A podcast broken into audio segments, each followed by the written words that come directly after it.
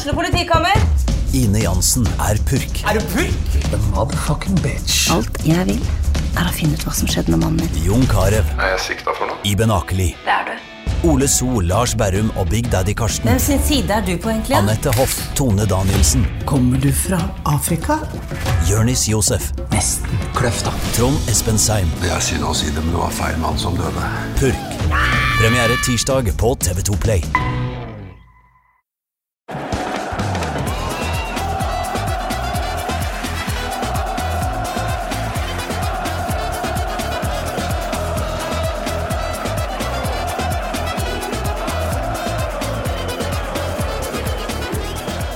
La la, oh la la, bonjour en Paris! Vi skal faktisk gjøre noe så lite pyro og pivo eh, som å snakke om eh, kanskje den aller verste representanten for den moderne fotballen. Den polerte, glatte plastikkdriten som, eh, som egentlig er grunnen til at denne podkasten finnes, nemlig å snakke om noe annet enn det. Vi skal til Paris, og vi skal snakke om Paris Saint-Germain.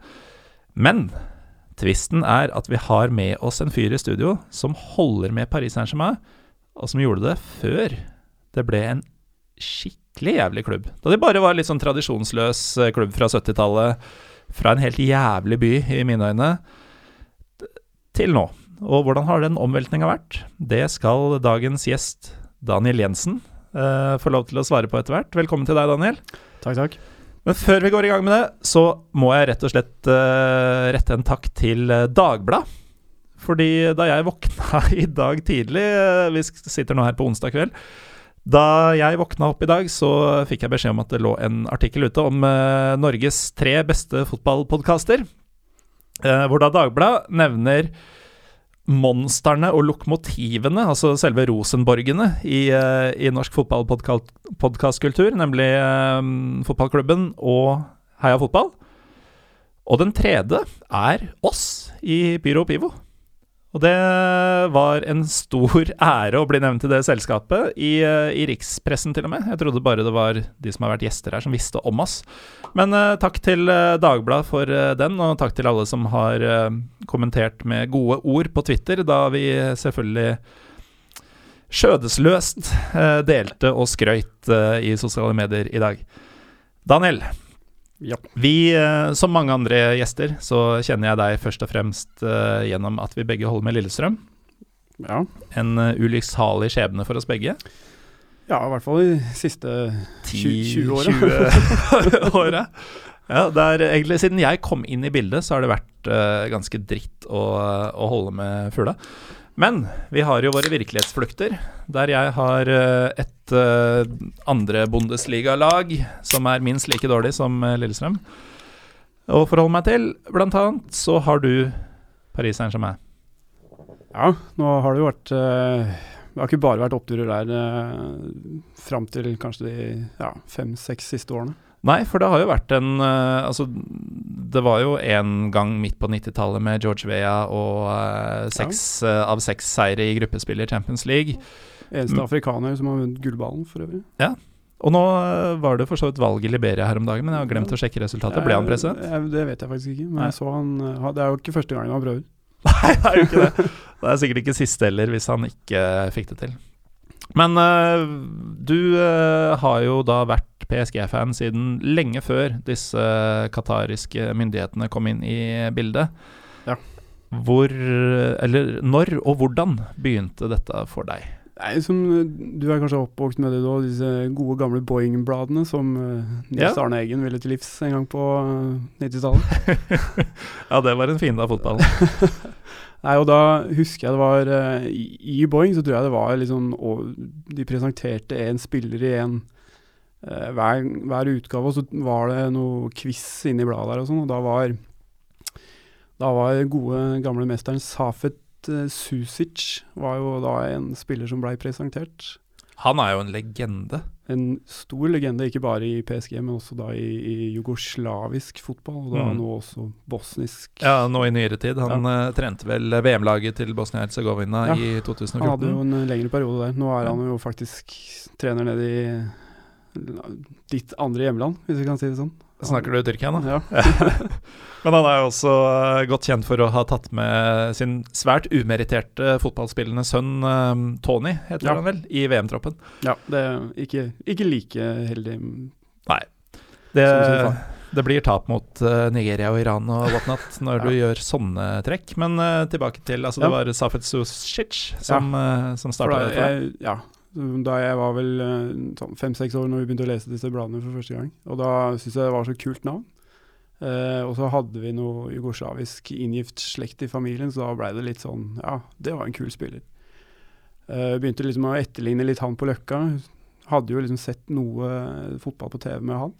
Og det er egentlig godt gjort på den tida. Du kunne ikke bare YouTube-søke enhver spiller for å se hvordan han så ut, hvordan er eh, ball...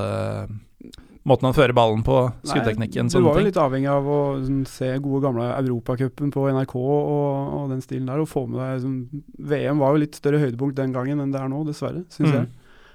Uh, også en fæl utvikling av fotballen for øvrig. Men Ja. eh, Det som er litt morsomt med dette, det skal vi jo gjenta til det kjedsommelig antagelig, men du er jo en øh, sånn klassisk fotballromantiker.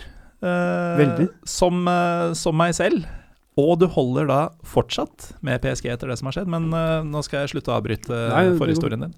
ja, og da ja, lekte jeg at det var han, og så uh, egentlig mer det at han var sånn jugoslav og, og hadde et særdeles kult navn, som veldig mange fra Øst-Europa faktisk har. Ja, jeg er så glad i de navnene. Ja, det er veldig gøy. Uh, og så var det et eller annet eh, quiz-spørsmål en gang i Boeing hvor uh, hvem er det som spiller på Parc de Prince? Og det var jo et voldsomt gøyalt navn på en fotballstadion. Så det var egentlig litt sånn det starta, for da var det PSG som spilte der, og så var det jo da fant vi ut at uh, Safet Susic spilte jo i PSG, så det var egentlig det var litt der det starta. Det var mye som kom på plass. Uh, Ja, mye- litt sånn De riktige brikkene falt på plass der. mm. Og så var liksom det litt eh, Var jo det laget mitt i, i mange år sånn Det var jo stort sett Lillestrøm, fordi vi bodde jo i Norge, og det var jo ikke den tilgangen på, TV, på fotball på TV som det er eh, i dag. Mm. Og da Men sånn eh, Ja, på 90-tallet, når du da endelig fikk Champions League litt mer inn i TV-ruta, så så ble det jo også naturligvis mye mer. Du fikk jo ja, George Vea og eh, Jorid Jurkaev, David Ginola, uh, Rai litt seinere etter det, Ronaldo bør bygge på seg. Hvor, hvor stort var det for deg når du øh, knapt hadde sett et sekund av uh, dette favorittlaget ditt? Uh, du forholdt deg jo stort sett til uh, dem sikkert gjennom tekst-TV. Ja, tekst-TV og en, en og annen liksom, avisnotis, Ja, kanskje. litt sånn mentions i, i Goal eller Ja. i Boeing eller i, i avisene. Plutselig er de faktisk på, på riksdekkende TV sånn innimellom. Ja. Ikke som i dag hvor du kan velge fritt mellom alle kampene hver uke, men en gang iblant, hvis det ikke var noe annet sexy, så kunne du Ja. få se disse gutta i aksjon. Ja, det var jo Det var jo kjempegøy. Uh, og ja. Det føltes litt sånn uh, veldig eksotisk. I dag er det jo knapt nok uh, altså, Skal du ha noe eksotisk i dag, så må du liksom livestreame tredje Bundesliga for å Ja, det er ikke så eksotisk det heller lenger. Nå var det jo finale i uh, afrikanske Champions League uh, nylig. Den fikk jeg dessverre ikke sett, men den, uh, den skulle jeg gjerne streame. Ja. Den så blodsexy ut. Enig i det? Igjen. ikke noe med saken å gjøre. Men uh, du ble jo eh, oppriktig glad i denne klubben uh, med åra som gikk. Ja, det var jo litt sånn eksotisk. Det er jo som Paris og, og sånne ting. Og så var, drøyde, varte det og rakk før jeg fikk rota meg til å, å dra ned dit. Og da var ja, Første gangen jeg fikk dratt på kamp og var der nede, var i 2006. Og det var en litt sånn spesiell uh, Det var i den verste Lyon-perioden. Ja, veldig òg. Det var jo faktisk Carew var vel også i Lyon på den eh, tida der, og de hadde jo kanskje den ene gangen hvor Fred var, uh, var god. Fred. ja, en obskøn spiller, faktisk. Og så hadde du jo Ja, du hadde jo ja, Gregory Coupé sto vel i mål for Lyon på den tida. Og så hadde du jo ikke minst uh, den, den veldig gode Juninho, ikke uh, Middlesbrough Juninho. Ja, ikke han som skulle bli veldig god, men han som ble veldig Han god. som ble veldig god. Mm. Uh, ja, og så hadde du jo på en måte Karev gjorde det jo decent, må man si, i, i, i Frankrike. Han gjorde det bedre enn uh, Mathea Cashman gjorde det i PSG, kanskje? Eh, betraktelig, vil jeg Ja. påstå, egentlig. Grunnen til at jeg nevner han, er jo at han senere kom og gjorde det betraktelig dårligere enn han skulle i mitt kjære Fenerbahçe. Ja, han har jo, bortsett fra PSV, så har vel Ketsman ikke gjort noe særlig et, Ingenting. Noe sted. Eh, og grunnen til at han er relevant her, er jo at uh, han var jo inngangen til at vi uh, første gang faktisk uh, snakka litt PSG. Eh, stemmer det. det var en bortekamp i Drammen med Lillestrøm, sikkert i sånn 2008-2009, noe sånt. Ja, noe sånt noe. Hvor jeg ser at du faktisk har på deg en PSG-drakt. Og min umiddelbare link, for dette var da jeg akkurat hadde begynt å la meg fascinere av dette hva skal vi si, dette monsteret i uh, den asiatiske delen av Istanbul. Og de hadde Mataya Cashman på den tiden. Han hadde spilt i PSG. Ja. Jeg går bort og tar en prat med Daniel. Du var ikke så interessert i å prate om uh, Cashman? Nei, han eh, Hva skal jeg si Han gjorde seg jo relativt up upopulær i, i PSG. Han reiv jo av seg trøye og, og tråkka på den, og det var Ja. Etter det så var det jo egentlig bare én vei. ja. Det var rett ut. Men den du hadde på drakta di? Ja, det er vel eh, Altså Nå har de jo henta mye store stjerner opp gjennom eh, de siste, siste par årene. Eh, Zlatan, Neymar, Mbappe, you name it. Mm.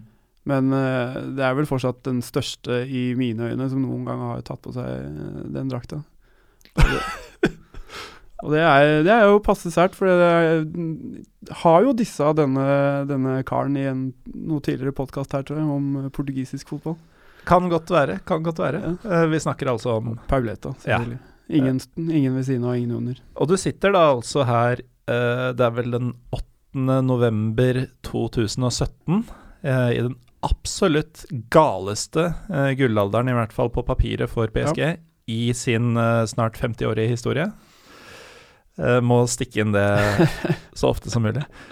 Um, og du sier, du sier jo faktisk i fullt alvor at for deg så er han den største. Ja, uten tvil. Uh, Hvordan?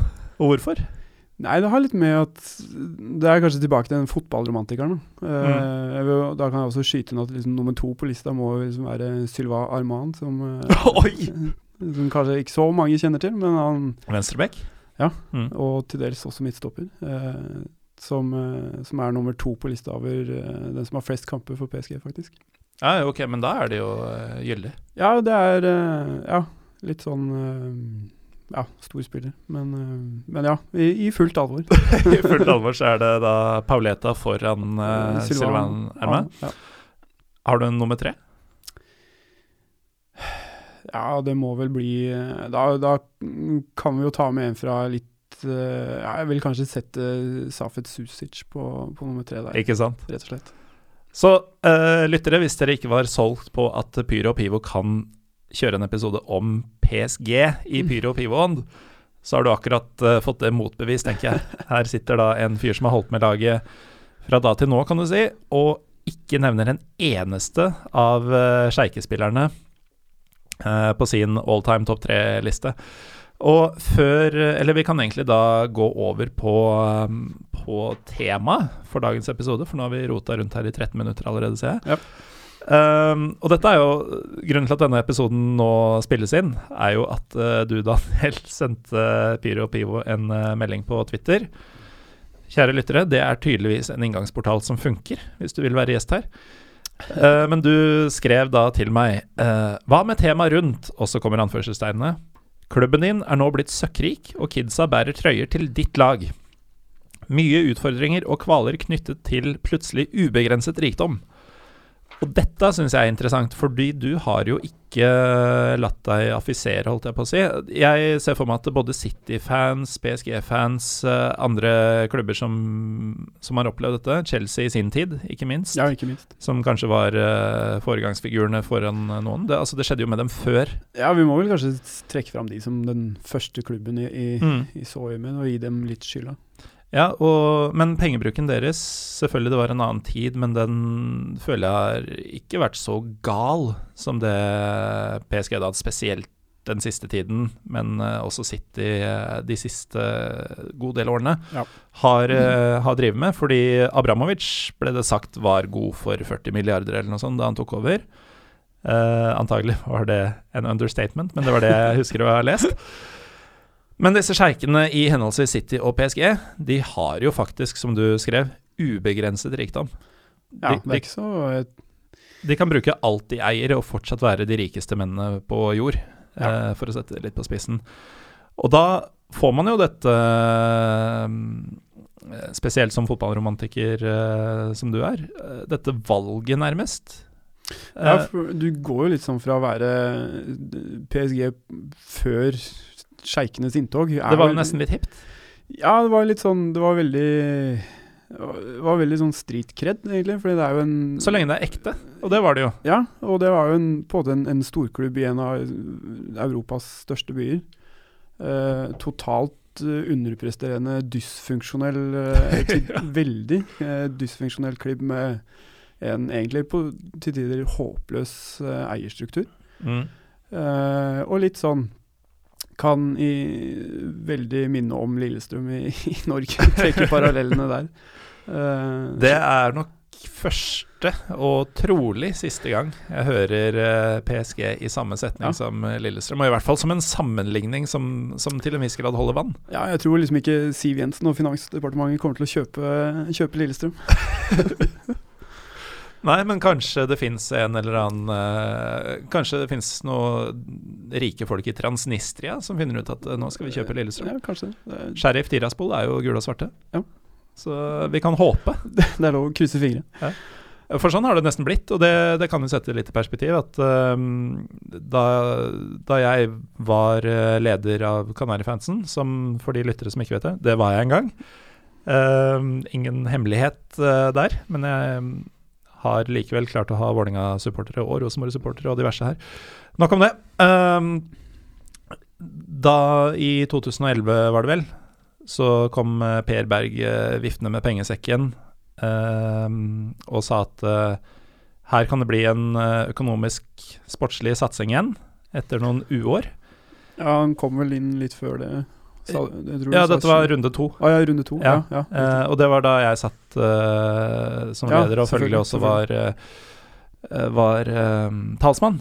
Og eh, den jobben fikk jeg stort sett eh, honnør for, men i akkurat dette tilfellet, hvor jeg gikk ut og sa at eh, jeg ville ikke at eh, noen sånn økonomiske bakmenn skulle eh, sitte og trekke i trådene på den sportslige satsinga, fordi kriteriet til Per Berg var at uh, skal pengene komme, så skal Henning Berg ut. Uh, og det syns jeg var, uh, var feil, feil premiss å, la, å sette av en trener på. Feil premiss, men riktig krav. Ja, øh, jeg fikk mye Ja, det kan du jo si. Det, det var jo ikke feil å slippe Henning, men øh, det er ikke Per Berg som skal bestemme Nei, det når vi har et sportslig utvalg. Og akkurat der øhm, var det en del som, som ga meg litt kjeft, fordi øhm, vi kunne jo ikke fortsette sånn som vi gjorde. Og Per Berg var en hedersmann, han er en klubblegende. Uh, han hadde vært inne med penger tidligere og hjulpet klubben uh, betraktelig, men øh, Problemet mitt var at uh, man ikke kunne ta imot penger uh, for enhver pris. Riktig. Og det har jo, uh, har jo PSG gjort. Men det jeg egentlig prøver å vikle meg fram til her, er at sånn som ting har blitt i Lillestrøm nå, så tror jeg at jeg glatt hadde skrelt av meg buksa, satt ræva i været og bare sagt Kom med hva enn du vil, så lenge vi får en sportslig opptur. Over til PSG. Ja, og det var jo litt sånn øh, Den, den var jo en kaotisk eierstruktur der, øh, med Kanal Pluss faktisk inne på, inne på eiersiden også. Har ikke de hatt eh, TV-rettighetene der i eh, Jo, de, kjøp, de kom vel inn med, på TV-rettigheter helt på starten av, av 90-tallet. Så de hadde Eh, eierskap i klubben Ja. i lang tid, mens de også hadde TV-rettighetene? Ja, og det var jo på en måte en, en Det var jo da den si Den andre gullalderen til, til PSG. Den første var jo på midten av 80-tallet. Mm. Så får de jo på en måte et nytt oppsving og en ny gullalder sånn på, på midten og slutten av 90-tallet. Ja, da de hadde fylt 20 og vel så det. Ja. Må jo bare legge til at det er en sammenslåing av to klubber. Så. Mm. Anerkjenner du Rosenborg som 100-åring?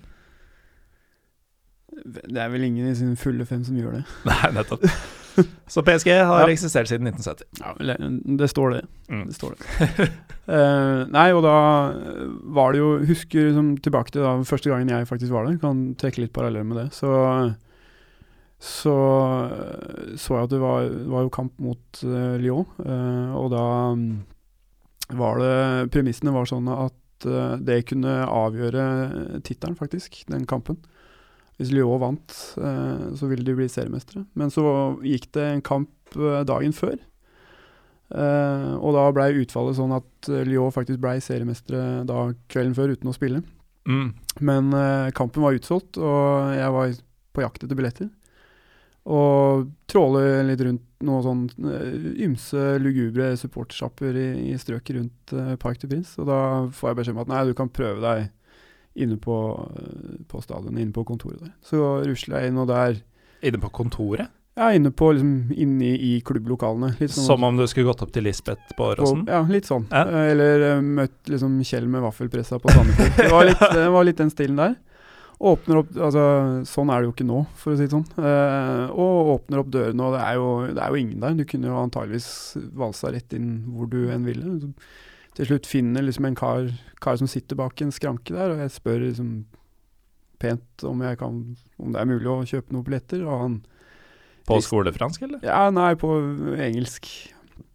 Uh, og han uh, rister litt på huet og skjønner ikke hvorfor. Hva, hva i all verden Hvorfor skal du det her? Ingen andre vil? Ingen, nei, og han ja, Så kommer han opp med et kart og peker hvor han har billetter, og det er en slags halvveis eh, liksom VIP-avdeling. Ikke veldig VIP, vil jeg si, men eh, Og så sier jeg ja, det, jeg kan ta to der. Ja, og så, så ja, han bare himler med øya og trekker litt på smilebånd. Og da liksom, når han skal fortelle prisen, så regner han sikkert med at jeg kommer til å si nei. Det er 85 euro per billett eh, Mm. den gangen. Eh, så jeg, jeg, jeg tar to stykker. Så jeg bare rister på huet. Hva er det du driver med? hva, hva er du hva, Hvorfor vil du det her? Hvor kommer du fra? Så- Bitch, I'm from Norway. Ja, ja, We got oil money. Og det skal dere også snart få, Ja. skulle du sagt. ja skulle snart Nei, og da Uh, husker uh, Ja, og var jo uh, Kom jo da til, til kampen da dagen etterpå, på, utpå kvelden der, og ja, kjøper du forfriskninger inne på stadion der, og de skjønner jo at jeg ikke er fra fra Frankrike, eller fra Paris, og de spør liksom, ja, hvor, hvor er det du kommer fra? Nei, jeg kommer fra Norge. Og så umiddelbart sånn hånlig Kommer du fra Norge for å se på det her, liksom? Det er jo helt Du er jo gal. Um, og så, ja eh, Setter oss ned og, og ser kampen, og PSG dominerer uh, de luxe og taper 1-0. Og tenkte åh, endelig, det her er virkelig det er Dette er det jeg kom for. ja, dette er right up my alley. Det er, passer meg Sett det før? Ja, dette, dette kan jeg kjenne meg igjen i. Og da Ja, og da den eh, byen Altså, jeg har jo et litt annet forhold til den byen og Frankrike enn det du har. Det virker sånn. Ja. Jeg har i og for seg ikke noe imot Frankrike, Nei, men bare- Paris, nei. der har jeg vært to ganger, og jeg tror ikke jeg har hatt det gøy ett sekund. Nei, jeg er jo liksom eh, Fantastisk by. eh, og for de som ikke bare er opptatt av fotball, så er det jo kan du jo besøke både Jim Morrison og Edith Piaf og Ja, de er for så vidt daue begge to, Ja. men, eh, men du kan Men se på noen steiner som navnet navnene deres De, står på. de ligger nå der. Jeg Mm. har faktisk et bilde av, eh, av Jim Morrison med LSK-sjef. Du har gravd deg ned og lagt LSK-skjerf rundt og tatt selfie med den, du. Din sjuke jævel. Jeg la det bare på støtta. Godt nok for en som er elsket Doors. Ja, men det, det er jo faktisk eh, fint. Og eh, jeg kan jo moderere meg litt, da. Altså Paris er et sted man bør se. Eh, litt sånn som Vegas, som jeg også hater. Men, eh, men det er jo sånn bucketlist-materiale. Det, er- det er vanvittig mye, mm, mye ting som du bør få med deg i løpet av livet. I hvert fall å bare gå forbi og ta et eh, Ja. mentalt bilde av, ikke nødvendigvis legge ut på Instagram. Men det er ikke noe å gjøre i Paris. Og det er mye du kan eh, få en Men eh, sånn som jeg er glad i både fotball, mat, eh, Jo, Du kan kaffe, spise. Jeg kan gi deg den. rødvin. Det er jo mye Ikke så mye bra øl, men du får i hvert fall Du får jo få stella på fat. Men det, det jeg trodde om Paris første gang jeg var der, det var at ok, de første to dagene Vi har bare gått i feil områder. Vi har bare vært og sett du vet, Triumfbuen og Champs-Élysées og eh, det derre tårnet som de maser om. Uh, og Notre-Dame. Men uh, så er det sånn at vi hadde et ganske usentralt hotell. Så vi fant ut at det, ok, nå, uansett hvor lang tid det tar, neste dag, så går vi fra hotellet hele veien ned til byen og ser om det er noe interessant på veien. Vi gikk i fuckings halvannen time. Vi fant bare sånn vintage eh, veskesjapper og kafeer. Det var utelukkende i løpet av halvannen time i rett strekning eh, gjennom Paris. Ja, du var ikke oppe i Montemart og Nei, vi gikk fra Jourdain og, Jourdain. og, og ned til eh, elva. Og det, det funka ikke for meg, altså. Og så kom jeg tilbake to år etterpå. Får til og med betalt for å være der i to dager. Eh, og tenker at eh, ok, nå skal jeg reise kjerringa. Nå er jeg ikke her med samme reisefølge, nå skal jeg bare prøve andre ting. Funka ikke da heller. Så eh, Nei, Paris eh, går ikke for meg, og det som har skjedd med PSG, gjør jo at det er naturlig for meg å holde med enhver motstander av PSG. Ja. Jeg, jeg kan skjønne hvor du kommer fra. Men uh, til uh, din problemstilling, da. Ja. Du holder med et lag, du får en del street cred for det. Uh, bare det å holde med et lag aktivt som ikke var i Premier League, ga jo street cred Ja, i, litt- i norske supportmiljøer eh, på den tida. Um, og PSG var jo en ganske Nesten en obskur klubb. Altså en av de større i Frankrike, men eh, ikke noe sånn powerhouse. Nei, ikke i, i terms of eh, å dominere hva skal jeg si, tittel og, og ligatabeller og sånne ting. Nei, og du, og du lever jo forholdsvis lykkelig sånn. En gang iblant så vinner de noe. Ja, Eh, deltar blir- i Champions League, moser Rosenborg. Ting, Ja, det var jo ting er hyggelig. Det var jo en, en god periode. Det var jo på begynnelsen av 2000-tallet. Og så skjer det noe nærmest over natta, vel, eller det tok en stund, akkurat den, eh, det oppkjøpet. Ja, det gikk, jo, det gikk jo mye rykter og, og sånne ting. Vi, Eh, vi kan jo begynne med det. Hvordan opplevde du det da de ryktene begynte å gå? Hva håpa du skulle skje? hadde, det hadde jo vært mye rykter fram og tilbake på eier, eiersiden i, i, både i mange år. Eh, så tenkte vi liksom det, Ja ja, dette skjer jo ikke. Altså, hvorfor skal noen gidde å, å bruke penger på dette her? Fordi det er den største klubben i Paris? Ja, og det er jo ved siden av den andre klubben fra kysten der, så er det jo da den, den mest Altså de to mest populære klubbene i, i Frankrike. Ja, så de er Jeg hører at du ikke nevner eh, Marseille med navn, men jeg skjønte hvem du mente. Ja. Eh, men eh, PSG og Marseille er, og var, er vel kanskje mer eh, Mer interessant akkurat her enn f.eks. Saint-Étienne og Lyon. Ja, Saint-Étienne hadde jo sin gullalder på, på 70-tallet. Mm. Og har jo fortsatt mestvinnende. Ligamester-messig. ligamester Ja, riktig. Mm. Uh, men eh, de er jo da den, de er vel da den tredje største supporterte klubben. Mm. Og har egentlig kanskje litt sin, sin store fanskare av, av våre foreldres generasjon, med liksom Platini på, på slutten av 70-tallet. Hvordan, eh, hvordan har PSG da blitt såpass populære i sin korte levetid og med altså, denne gullalderen på 80-tallet og en ny en på 90-tallet? de hadde jo veldig sånn karismatisk eh, eh, president, blant annet, på, på 80-tallet. Litt sånn som Lyon har hatt de siste 15 åra? Ja, egentlig. Uh, litt det samme der. Han uh, Francis Borelli uh, var jo Han er sånn litt en legendefigur i, i fransk fotball. Måten han feirer den første tittelen til, til PSG på, med en klassisk fransk mannehåndveske og kysser, kysser gresset og det er helt galskap. Fins det noe som heter mannehåndvesker? Altså, det, det hevdes fra Louis Vuitton og Ja, sånn, men, men fins det virkelig noe som Se heter på, se på Seinfeld, så er det jo manbag. Ja, det var kontroversielt også i Seinfeld. uh, men ja, nå, nå Ja. går vi jo rundt grøten ganske ofte her. Uh, og det er jo tegnet på en god episode. God dynamikk i samtalen, Ja, ja. at vi spretter veggimellom, som vi liker å gjøre her i Norges Eller ikke Norges tredje beste fotballpodkast, men En- én av Norges tre beste. For det var en urangert liste som artikkelforfatteren tilfeldigvis nevnte oss sist i. Um, nå var jeg fin. Men jo, du eh, hører da ryktene om dette oppkjøpet, tenker at eh, det kommer jo ikke til å skje. Hvorfor skal det skje? Hva håpa du skulle skje? Og det er der liksom den, den ambivalente delen av det, det, kommer inn, fordi det er, liksom, det er ikke kult å være sjeikeeid. Du hadde på en måte hadde, Den hadde vært tråkka opp før av da først Abramovic i, i Chelsea, og så fikk du jo da City-eide sjeiker. Um, Sjeikeide City. City. Ja, jeg tenkte på det, ja. Nei, og da På den ene siden, det hadde vært uh, gøy å fått noe penger inn og kanskje noe uh, bra fotballspillere og, og kanskje vinne i noe. Uh, samtidig som du vil jo helst liksom gjøre det på den ekte, litt mer fotballromantiske måten. Så det er den ene siden av deg elsker du jo, fordi klubben du har holdt med siden du var liksom, eh, liten og etterligna de store heltene på Løkka, eh, endelig er det liksom der oppe og, og, og, vinner ting. Samtidig som du har litt den Men så er du en av de få i landet, i hvert fall, som, som, kunne ha lov til å glede deg over den nye suksessen, fordi du hadde alltid vært der. Var det en uh, faktor? Ja, det allikevel føles litt sånn eller stikker Daniel kniven i sin egen rygg? Ja, det er litt sånn.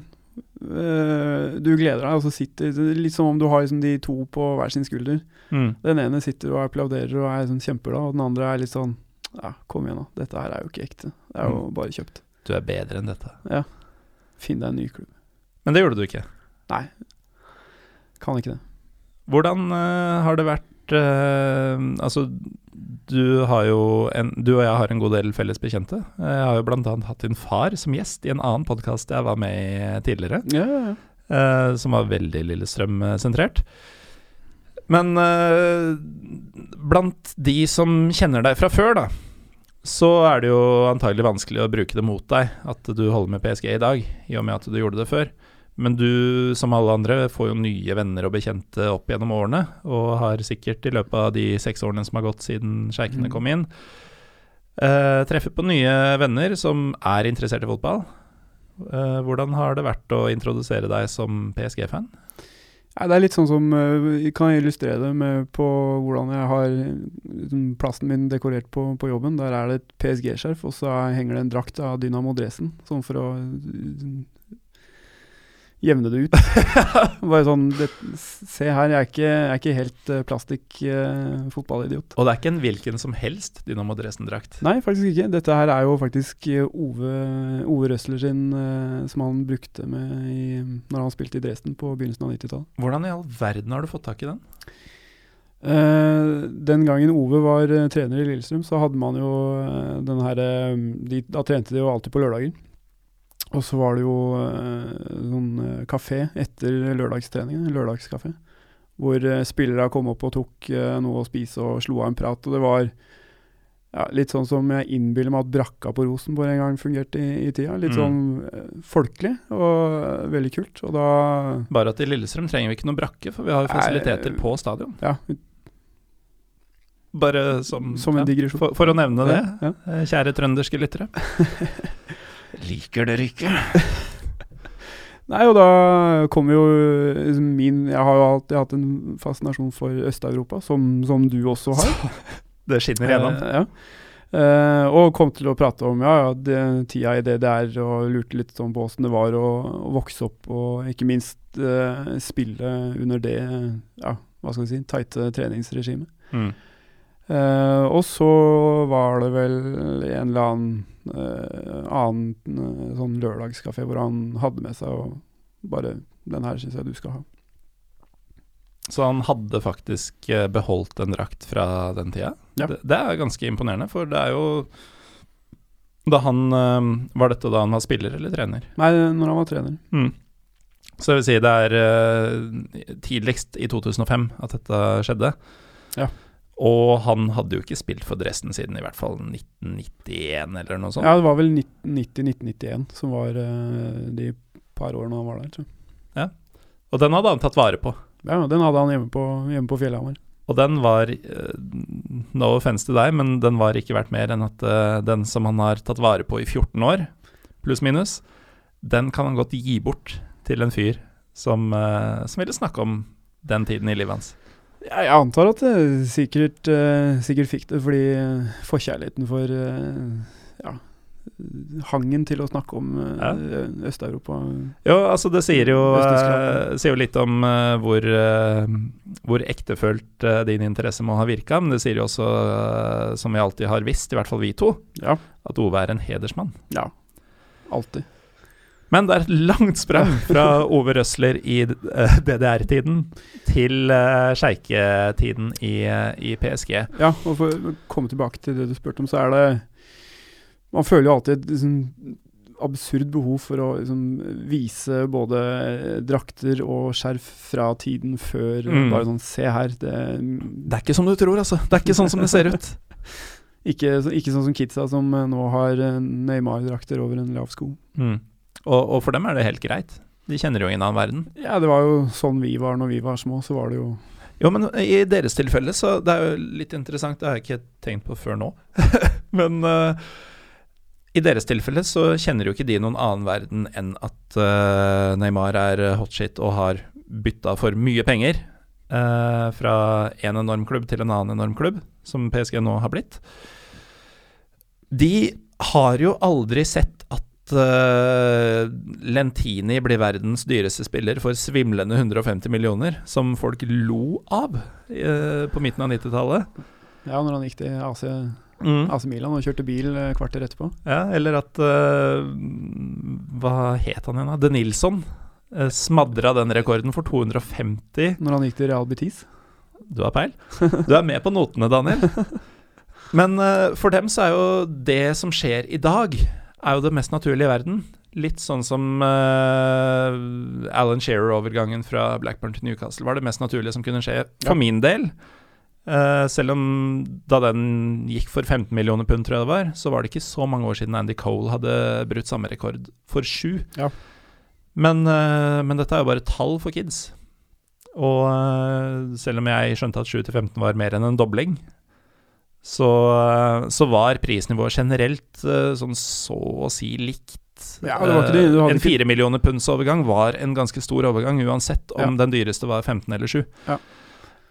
Uh, men vokser du opp i dag, så, så, så vet du ikke at uh, det fins en verden i toppfotballen hvor det ikke handla om milliarder. Og det er ganske sjukt å tenke på. Ja, de, de vet, husker jo ikke en verden før Bossmann, f.eks. Mm. Eh, bare noe så enkelt eh, som det er jo Tenk at det ikke var en selvfølge. ja, Når kontrakta di går ut, så er du ikke lenger ansatt. nei, jeg, Det sier seg jo selv. Ja, jeg satt og, satt og tenkte på, for jeg bladde i noen Josimar-blader her ute mens jeg venta, og da Ja, blant annet da en eh, Herman Stengel-kontrakt som går ut med Stabæk i 2013, og en opsjon som går ut i 2014. Det er, eh, det er, tidene har endret seg. Tidene har endret seg, og um, du sier at du føler på et uh, holdt på å si konstant behov for å bevise at du er uh, ekte uh, i din support av PSG. Og i ditt tilfelle så er du jo heldig, du har jo mye historier fra før ting ble som de ble, og en faktisk ganske genuin øh, opprinnelseshistorie til din interesse for klubben, og ikke minst en topp tre-liste over klubblegender som øh, som en som begynte å følge klubben i 2007 f.eks., som også var før sjeiketida, Ja. ikke kan uh, oppvise maken til. Så du slipper vel stort sett unna? Eller, eller får du mye Er det mye Ja, dømming? du Får en slags eh, en, en- god nikk og sånn Ja, Dette går? dette går, men, men du får allikevel selvfølgelig den skal jeg si, litt fortjente stikken også. At eh, det er jo bare penger. Men du kommer jo, i likhet med meg, fra, fra norske tribunemiljøer. Mm. Uh, I vårt tilfelle så kommer vi fra nøyaktig samme tribunemiljø. Litt forskjellig tid, men eh, det har jo overlappa. Og uh, i løpet av de siste si pluss-minus 15 årene i Norge, så har jo utenlandske impulser som ultraskulptur og sånn virkelig slått rot. Eh, og det har de gjort i samme periode som, eh, som PSG på én måte har gått til grunne, på en Ja. annen måte har blomstra, avhengig av øyet som ser. Uh, og de som uh, som er mest nær ultraskulpturen i Norge, de har kanskje hatt sitt å melde i samtale med deg, eller? Ja. Uh, de For har- der er uttrykk, uttrykk som plastikklubb og plastikkfotball og sjelløshet og sånn, det sitter løst. Ja, det sitter veldig løst. Og Jeg kan jo Jeg kan jo til en viss grad også forstå det. Uh, samtidig som Har noen bedt deg om å Eller ikke bedt deg om, men har noen sagt at uh, du burde bare sagt opp, holdt jeg på å si, som PSG-medlem? Nei, det tror jeg Medlem? Fan? Ja, fan. Nei, for det tror jeg er en slags sånn indre indre justis uh, i fotballkulturen på at man, man, bytter jo ikke lag. Bare, altså, Heri ligger sakens kjerne. Ja. Du, du, kan jo ikke bytte. Nei, Selv om du ville følt at det var feil å fortsette, så ja. er det enda mer feil å slutte. Ja, og trekk en parallell til, eh, til United, f.eks. Eh, Manchester United denne, denne, gangen. Hvor du hadde en oppblomstring av, av uh, gule og, og, grønne skjerf, men men allikevel, stort sett Nå er det jo, fikk du jo FC United, men uh, Det med de gule og grønne skjerfa De samme folka som satt med dem på, på stadion, hadde akkurat vært i Megastore og kjøpt seg den nyeste drakta med den nyeste sponsoren, og gjerne det nyeste storkjøpet på ryggen. Ja, og det da har du skjønt det. Ja, og da er du Ja. Så Nei, det er selvfølgelig Men for å ta ultrasbevegelsen til, til PSG, så var jo den, eh, den ene svingen, eh, Boulon-svingen, hvor du hadde da Copp og Boulogne, som regnes som Det er jo de legendariske. Ja, de regnes jo som de, de Hva skal jeg si uh, Forfedrene til uh, fransk ultraskultur, sånn sett. Til fransk ultraskultur? Altså det starta i Paris, er det det du prøver å si? Ja, de blir liksom ofte fremheva som liksom de Eller kanskje ikke ultraskulpturen, men mer den, den, litt sånn crossoveren av ultras ispedd. Litt sånn eh, impulser fra eh, engelsk tribunekultur på 80-tallet som kanskje ikke var like, like bra. For der er jo fransk uh, supporterkultur um, Jeg skal ikke ta dette vekk fra der du skulle, men Nei. bare som et lite uh, tilskudd. Forskjellen mellom sør og nord i fransk supporterkultur har jo vært ganske stor. Ja. Der Nord-Frankrike i større grad har ligna på England. Uh, mens Sør-Frankrike, for å forenkle litt, har ligna mer på Italia. Ja, de skjeller veldig den veien. Mm. Uh, og det, ja, det, det, det, ser du jo veldig på på, på tribunene også, når du ser på, på kampene der. Um, Men i Paris de har vel på en måte hatt litt sånn De har jo hatt to veldig konkurrerende Eller hadde, for å si det sånn, da, veldig to konkurrerende svinger. Hvor du hadde da Boulogne-svingen på den ene siden, som liksom veldig forenkla eh, kan stemples som høyre høyrevridde mennesker med, med, det, med, det, synet det medfører. Eh, og da den andre svingen litt mer mot, mot uh, venstre og inkluderende. Men det, det, blir veldig overfladisk, selvfølgelig. Dårlig stemning eh, mellom gruppene, eller? Ja, og nå var jo Kopp og Boulogne var jo ganske enerådende fra, fra 80-tallet og, og framover til, til 90-tallet, hvor, hvor, uh, hvor, du fikk Supras uh, Autoil, som, uh, som, da bekledde den, den andre svingen. Og det var da disse mer venstrevridde? Det blir ja, som sagt veldig, veldig forenkla, men, eh, men, eh, de eh, inkluderte alle, alle, menneskeraser, for å si det sånn, mens da Coppo Bollon var De var litt mer skjelte til den andre siden, for å si det forsiktig. Mm.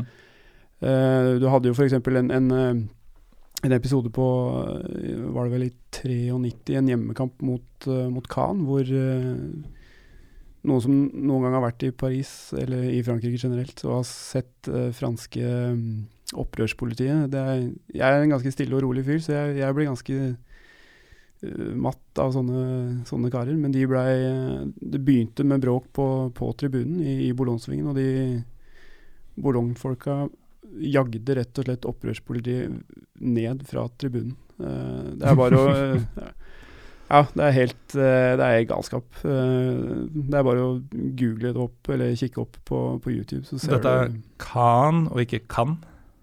Khan. Ja.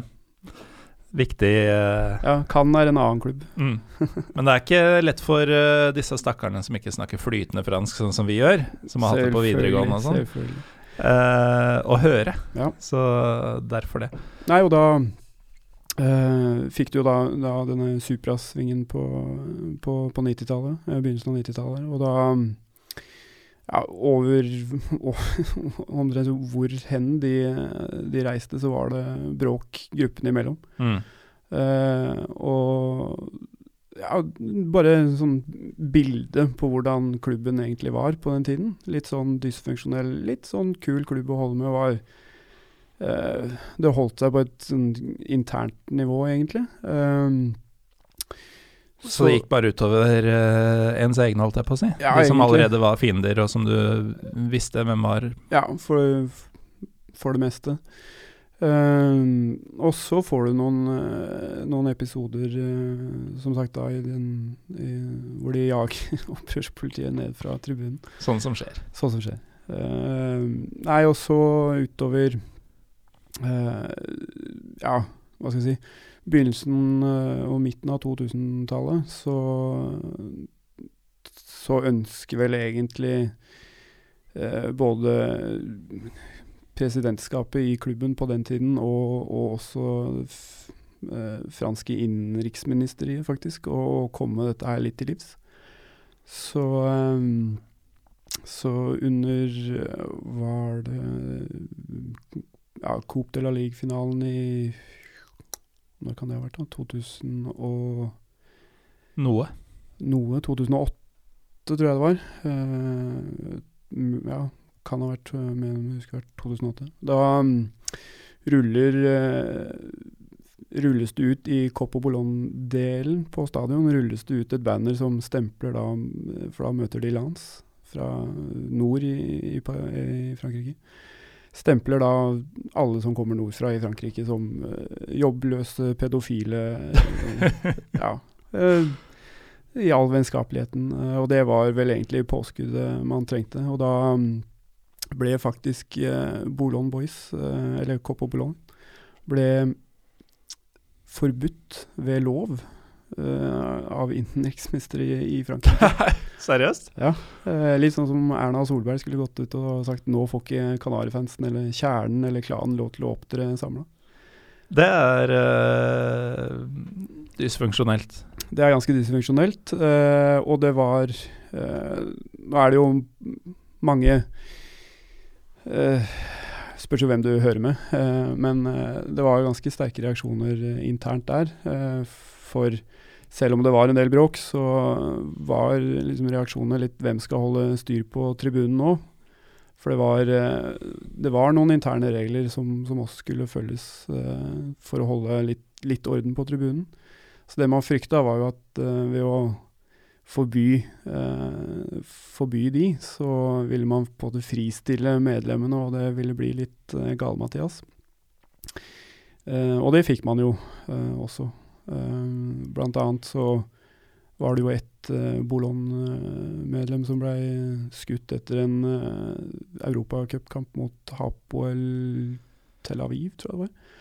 Skutt? Ja, skutt av en um, De skulle jage noen uh, Hapoel-supportere, og så er det en, en, politimann som er off duty, som, som trekker pistol, og, og, da blir en av de kara drept. Må jo bare være for væpna politi. Selvfølgelig. Det skjer, det skjer, jo aldri ulykker da. Nei, ikke noe vådeskudd? Ikke noe, nei, ikke, ikke noe nei. sånt noe. Og, ja, så da Det starter vel en slags kime til, til faenskap. Og da, etter en, etter en kamp mot det laget fra sørkysten, eh, på Park de Prince, så kommer det til ordentlig kamp mellom ikke ikke noen eh, supportere av det laget, men da Dette laget fra sørkysten som uh, du tidligere omtalte som laget fra sørkysten? Ja. ja. Ok, Som du ikke nevner med navn? Ikke nevner med navn. Ja. Det kom supportere av et annet lag? Var det det du sa? Uh, nei, altså de, de, da går det head to head. de fra Boulogne-svingen og de fra Autuil-svingen, og da mm er det en av Boulogne-medlemmene som, som, blir får seg så mye trøkker at han blir bevisstløs, og da havner i kunstig koma, og seinere blir erklært klinisk død fordi ja, han er Det er ikke noe å hente her. Altså et internt oppgjør blant PSG-fans? Det er ganske heavy? Ja, det er ganske heavy, og da, da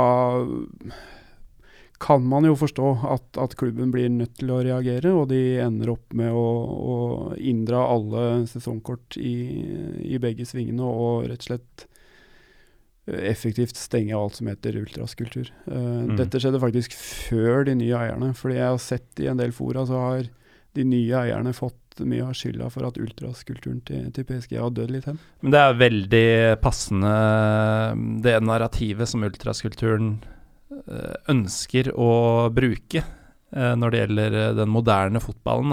Og det blir mye den moderne fotballen i Pyro og Pivo utover høsten og vinteren. Vi skal komme tilbake til, til det. At vi skal innom mye klubber som har enten blomstre opp eller gå til helvete, avhengig av øyet som ser. Vi skal snakke litt om hvordan klubbene motarbeider egne supportere ifølge supporterne selv, ja. osv. Men mens i dette tilfellet her, så, så kom jo Så spørs det jo hvilken uh, hvilken supporterskare du skal forhøre deg med, men mm. Men akkurat her er det jo faktisk sånn at uh, dette er, denne delen er ikke sjeikene og liksom dette, sto, dette store monsteret eh, som, som, opptrer på vegne av den moderne fotballen, nemlig Qatar-sjeikene. Ja.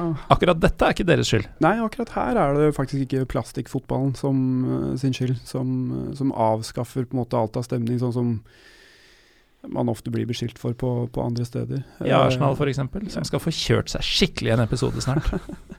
ja, og til dels også Det var jo Roy Keane og rekecocktailene på Old Trafford, mm -hmm. altså, turistene. ja, ikke sant? Det er jo noe i det, selvfølgelig. Men, uh, men, her har man jo da Så kan man jo være enig eller uenig hvor mye man syns det er uh, Hvor mye man skal godta eller ikke, men, uh, men de, de, nye eierne har da gått til, til samtale med deler av, av ultraskulturen, og du har da fått stående syngende ultras grupperinger i, i, den ene svingen. Akkurat dette er jo et litt interessant uh, fenomen, fordi jeg ble jo vitne til på Twitter at du og uh, denne Shanten fra Ikaros, som da er en ultrasgruppe i Vålinga for de som ikke vet det uh, Shanten er da en notorisk internettmann, i hvert fall. Som, som, de aller fleste i Tribune-Norge kjenner kallenavnet til. Ja, Litt usikker på hvem han er i ja, virkeligheten. Vi hadde et passiar. Dere hadde et passiar, dere. Om, eh, fordi du uh, tvita vel til meg at det var et fint pyroshow i forbindelse med en PSG-kamp. Ja, og det Og det var det jo. Det var jo det. Men uh, hva var disputten her? Eller passiaren?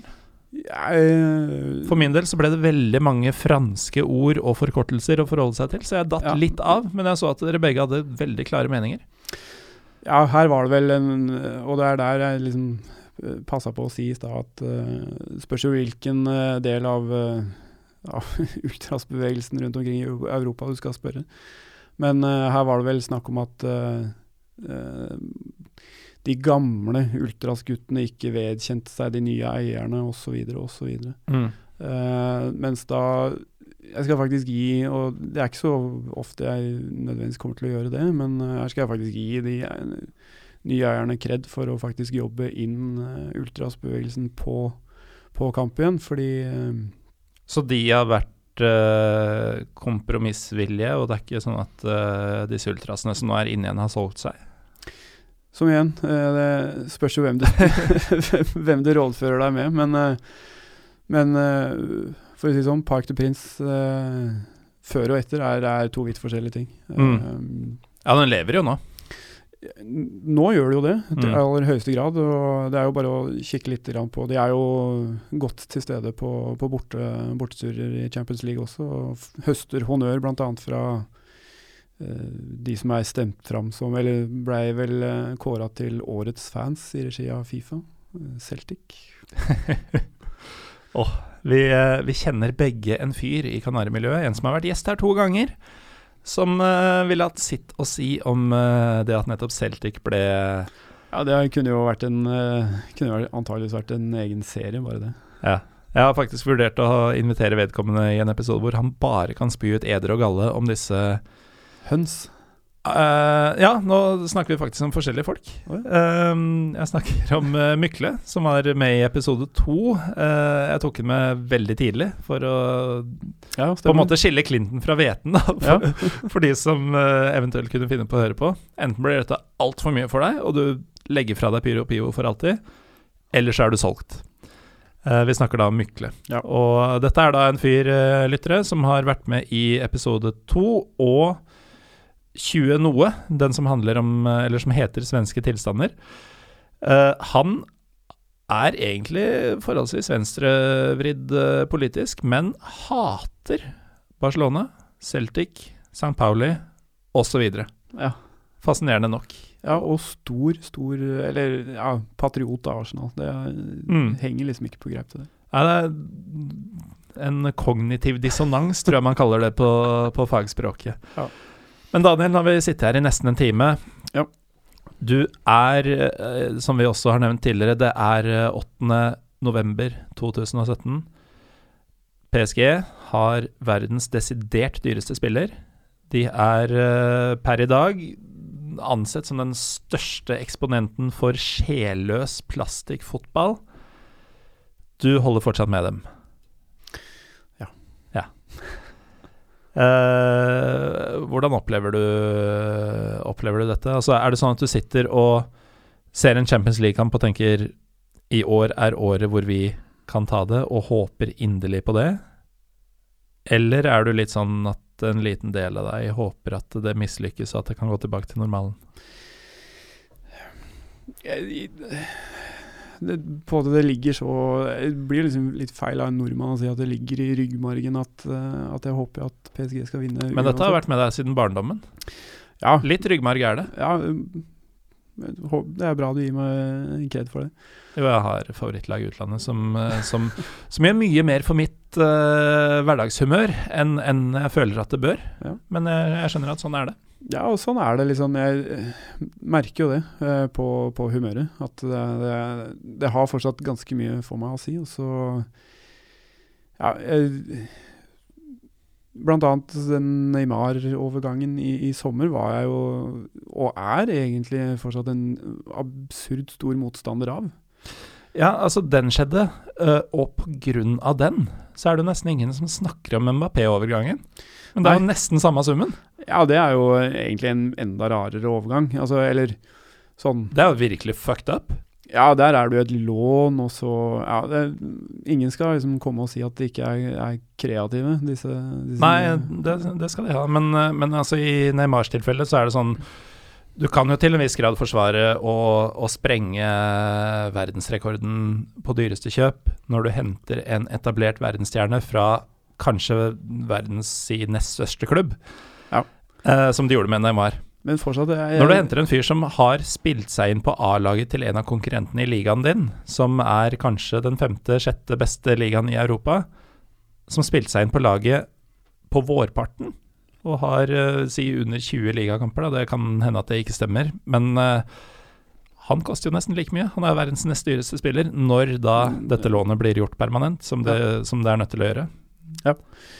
Eh, og jeg, ut ifra eh, det jeg har sett eh, av, av fotball, så jeg er absurd mye mer glad i, i den overgangen enn en Neymar-overgangen. Um, Mbappé er jo helt herlig.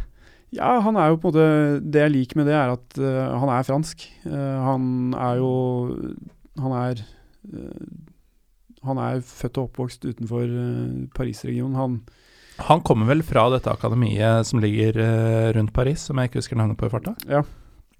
og har jo følgelig en slags tilknytning. Ja, og så spørs det jo hvor mye man skal legge i det, men han Hvis man legger godvilja til. Ja, hvis man legger godvilja til, så Han sier jo at dette var liksom klubben han fulgte med når han var liten. Han var liksom på, på parket og, og så PSG spille, så dette er en liten drøm for han. Hvor mye man skal legge i det, det, det vet jeg ikke, men øh, Men øh, jeg liker mer den øh, den, den kjøpspolitikken, i hvert fall at du da sprenger banken for en, øh, for en ung, fremadstormende fransk stjerne til et fransk lag. Det, det harmonerer bedre, selv om jeg syns summen er jo helt ute av alle proporsjoner. Mm. Men hvis man eh, Hvis premisset er at eh, dette er nivået priser ligger på i 2017 for de beste Ja, du ser jo Pogba 800 millioner. Det er altså Om du betaler 800 millioner, eller om du betaler litt over en eh, milliard, det er Eller i dette tilfellet tett oppunder to. Eller tett opp. Men uh, hvis uh, Altså, dette er jo der uh, den moderne fotballen er. At en enkeltspiller kan koste pluss-minus to milliarder. Så tar man det i betraktning, så ser det jo ut til at Mbappé faktisk er verdt det. Og det er jo ja, ung. en eh, skada tanke, men han leverer jo uke etter uke for PSG nå. Ja, og det er jo bare ta siste, siste ligakampen nå. Vi spiller Mm. borte mot uh, Angers uh, og vinner 5-0. Uh, og Mbappe er På havmaskin? Ja, litt sånn La oss bare dra ned og sette ut skoa. Mm. Eh, men eh, Og så er det en, en annen ting som også gjør at det tross alt er noe hva skal jeg si, fotballromantikk igjen i en tilsynelatende plastikklubb med penger, er, er jo denne sentrallinja de har opparbeida seg i år, med, med egenprodusert uh, keeper uh, fra eget akademi. Eh, Areola. Areola. Uh, Riktignok vært på utlån i noen eh, ulike klubber, men er da fort, fortsatt et produkt av Det har vært for å modnes. Ja, det er jo Samtidig som disse dyrinnkjøpte superkeeperne som de trodde de hadde fått, driter seg ut gang på gang, Ja. år etter år. år etter år. Uh, nei, og så har du da eh, han Presnel Kim, Kim Pembe, uh, Mm. stopperen, som, uh, som dominerer i, i Champions League-kamper. Og så har du da Adrien Rabiot, som kanskje er den neste Platini i Frankrike. Det var voldsomme ord. Ja, men han er trakt... Altså, det er, ikke, det er ikke bare jeg som sier det. det er, han blir ofte trukket fram som det i, i Frankrike. Men det har de jo ikke sagt om Zidane engang. Nei, men Zidane var Zidane. vet du. Han trengte ikke å være noen ny Platini, han, var trengte-. Han var seg sjøl. Så Rabiot er ikke god nok til å være seg sjøl. Han må bli en ny Platini. Som uh, all verdens Pablo Aymarer og Ariel Ortegaer har vært uh, nye Maradona her. Ja, Det gikk jo bra. Ja. Nei, men uh, han har uh, Han har noe over seg som er uh, til å, evnen til å styre, styre kamper og Så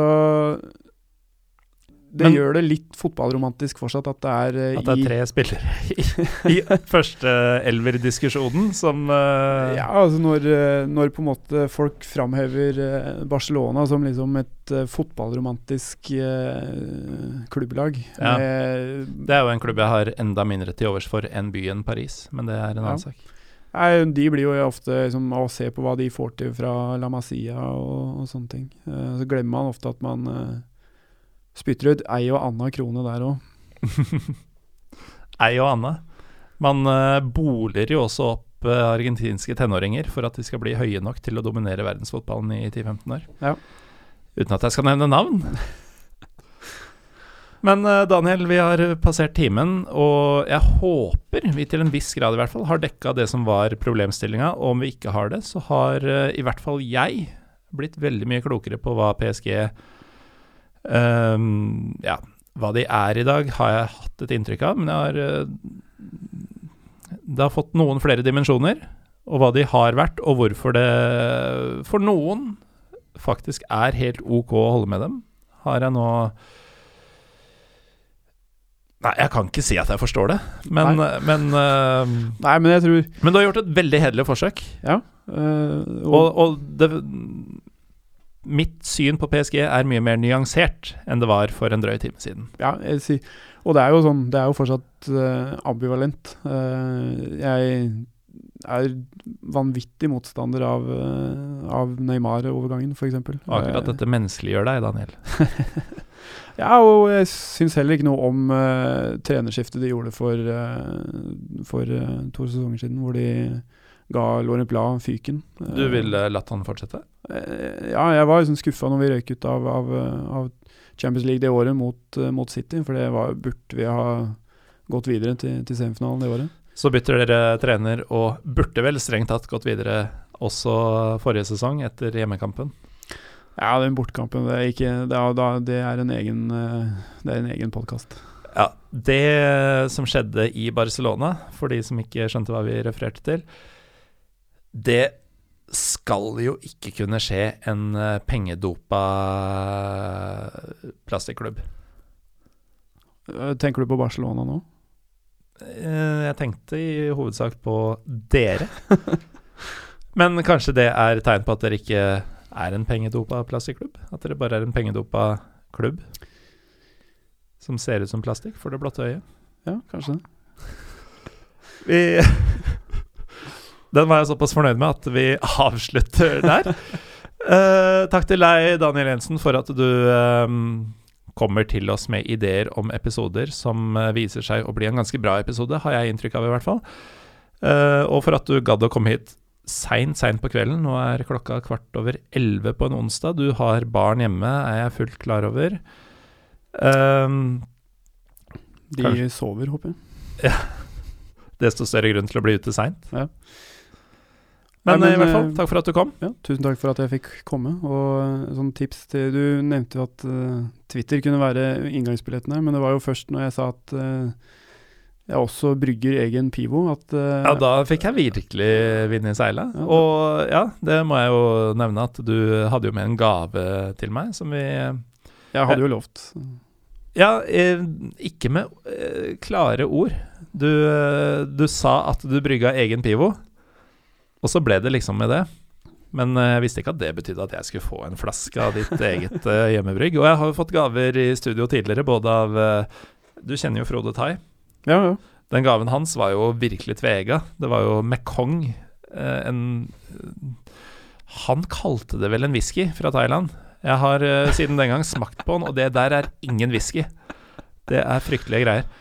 Eh, og så var det jo den uh, Europaliga-episoden som uh, endte med å vare i over to timer, fordi Trym uh, Hogner, også Lillestrøm-fan, hadde med seg eh, rumensk hjemmebrent. Men jeg har aldri fått en gave um, som ikke har blitt eh, referert til i episoden, så det var bra at vi kom inn på det. Um, til dere lyttere, Daniel Jensen brygger øl selv. Jeg vet ikke om det er godt ennå, men eh, det kan godt hende det er. Han heter eh, Er det at? Ja. På Twitter. Hvis dere skulle ønske å um, snakke PSG eller hjemmebrygg, så, eh, så er det verdt en follow. Eventuelt om dere vil diskutere ultraskulturen og supraskulturen i, eh, i PSG med han og Shanten fra Ikaros. Igjen, takk Daniel for at du kom, og for at du hadde tålmodighet med oss. Vi kom både seint i gang og ble mye lenger enn jeg trodde vi skulle. Eh, til dere lyttere, vi er Pyro Pivopod på Twitter og Instagram. Vi er ifølge Dagbladet en av Norges tre beste fotballpodkaster. Jeg heter Morten Galesen. Takk for at dere hørte på.